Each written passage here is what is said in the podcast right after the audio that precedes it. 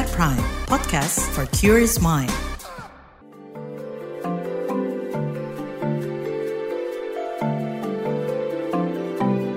Saga, cerita tentang nama, peristiwa, dan fakta.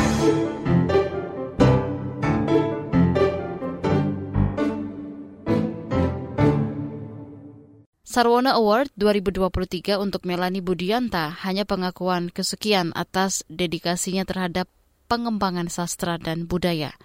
Konsistensinya dilandasi keyakinan akan kekuatan sastra untuk memperjuangkan kemanusiaan. Jurnalis KBR Nafisa Diana berbincang dengan Guru Besar Fakultas Ilmu Budaya UI ini tentang Sarwana Award, perjalanan intelektualnya hingga krisis-krisis yang mematangkan pemikirannya. Simak kisah bagian kedua yang dibacakan Aika. Tan Chiok Shen.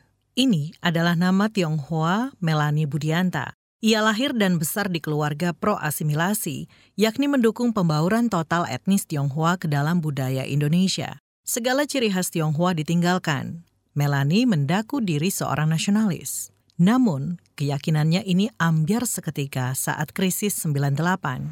Saya itu terus terang pada saat itu baru menyadari dengan sangat-sangat mengagetkan saya juga ya karena saya merasa diri saya sebagai seorang nasionalis, saya sangat patriotis gitu. Itu saya menyadari, jangan-jangan saya rasis ya, gitu ya. Jangan-jangan saya mengingkari kecinaan yang ada di dalam diri saya sendiri. Karena selama ini memang gitu yang terjadi gitu ya. Karena Orde Baru membuat saya menolak kecinaan saya. Gitu. Ada terkonstruksi seperti itu. Tragedi 98 menjadi momen pahit dan memilukan bagi kalangan etnis Tionghoa banyak perempuan menjadi korban kekerasan dan pemerkosaan. Nah, teman-teman pada waktu itu bilang, Melani, kamu tulis dong sesuatu. Tulis apa? Ya tulis itu, kamu harus membela ini bagaimana nih? Lima orang-orang terjadi perkosaan terhadap orang Tionghoa. Saya nggak tahu harus bicara bagaimana, karena selama ini saya selalu mengingkari ketionghoaan saya. Lalu saya berbicara, kenapa kok saya? Karena kamu kan orang Tionghoa. saya jadi mempertanyakan semua konstruksi diri saya gitu loh Waduh, itu krisis berat untuk saya gimana? Ternyata saya itu termasuk dalam konstruksi orde baru gitu ya, gitulah. Ini saya ikut bertanggung jawab terhadap semua yang terjadi di sini juga gitu. Kala itu Melani berusia 44 tahun dengan segala kemapanan sebagai dosen sastra UI bergelar doktor. Zona nyamannya kembali diobrak-abrik. Ia terhenyak di balik sosok diri yang nasionalis, ternyata terselip diri yang rasis. Jadi karena saya dari kecil tuh kalau ada orang ngomong Mandarin, oh saya merasa saya sendiri juga ikut memaki mereka gitu. Kenapa kok mereka harus ngomong Mandarin? Ini kan Indonesia gitu ya. Karena di keluarga saya memang tidak ada yang bicara bahasa Mandarin karena sudah keturunan berapa gitu ya. Jadi itu ada rasisme kan di situ, pengelianan dan mengapa mereka tidak boleh punya hak untuk bahasanya. Saya belajar tentang gender, saya belajar nulis disertasi tentang bagaimana meliankan orang lain, pelianan. Tiba-tiba 98 gitu ya. Itu kan pukulan luar biasa buat saya. Lalu saya Melani kemudian terpanggil untuk berbuat sesuatu. Ia masuk tim relawan untuk kemanusiaan, membantu pendataan korban dan pendampingan pendidikan. Dan dari situ saya lihat bagaimana ternyata justru yang sangat menguatkan perempuan dari segala lapis itu datang perempuan dari NU, dari Muhammadiyah, anak pemuda-pemuda dari macam-macam gitu ya, ada yang dari Buddha, dari macam-macam. Itu semua datang untuk melakukan advokasi gitu. Mereka tidak bisa terima juga gitu ya. Dan itu proses juga saya menyadari konstruksi-konstruksi yang ada di dalam diri saya. Iya, terinternalisasi.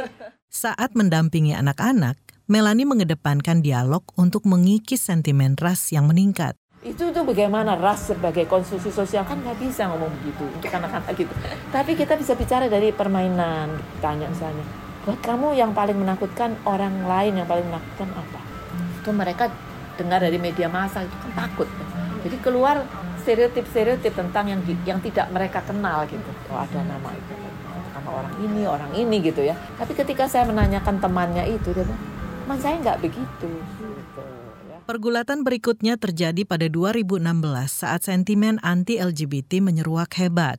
Kampus UI, tempatnya bekerja, menjadi sasaran kebencian karena dianggap mendukung LGBT. Jadi saya mengalami yang saya sebut tadi, semacam depresi mental. Bagaimana saya nggak bisa bicara gitu.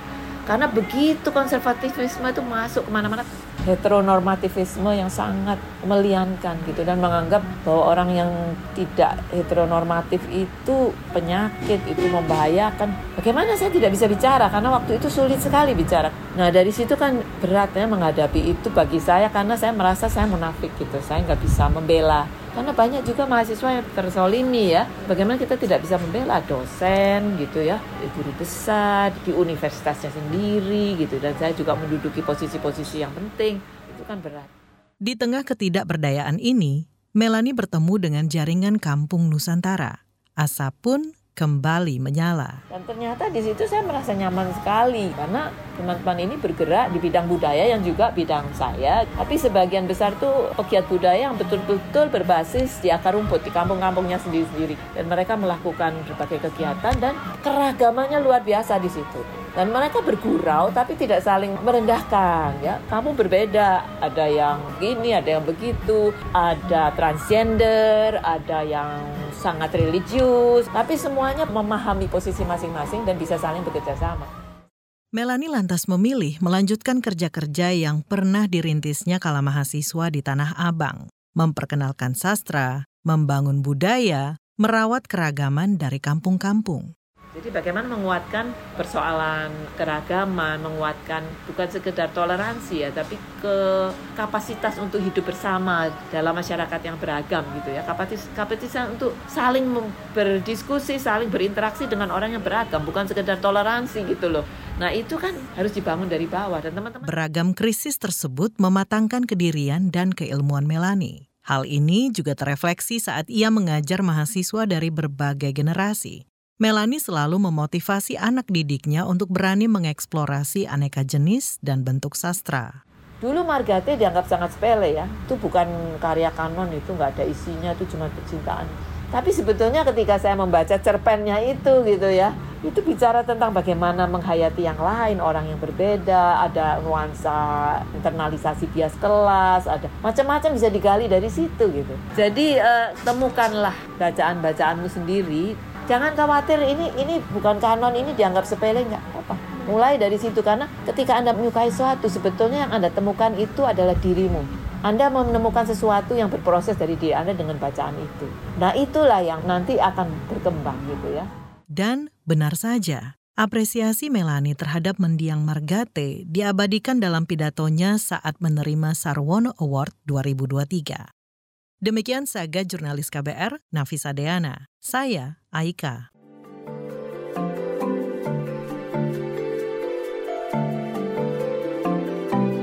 Saga, cerita tentang nama, peristiwa, dan fakta.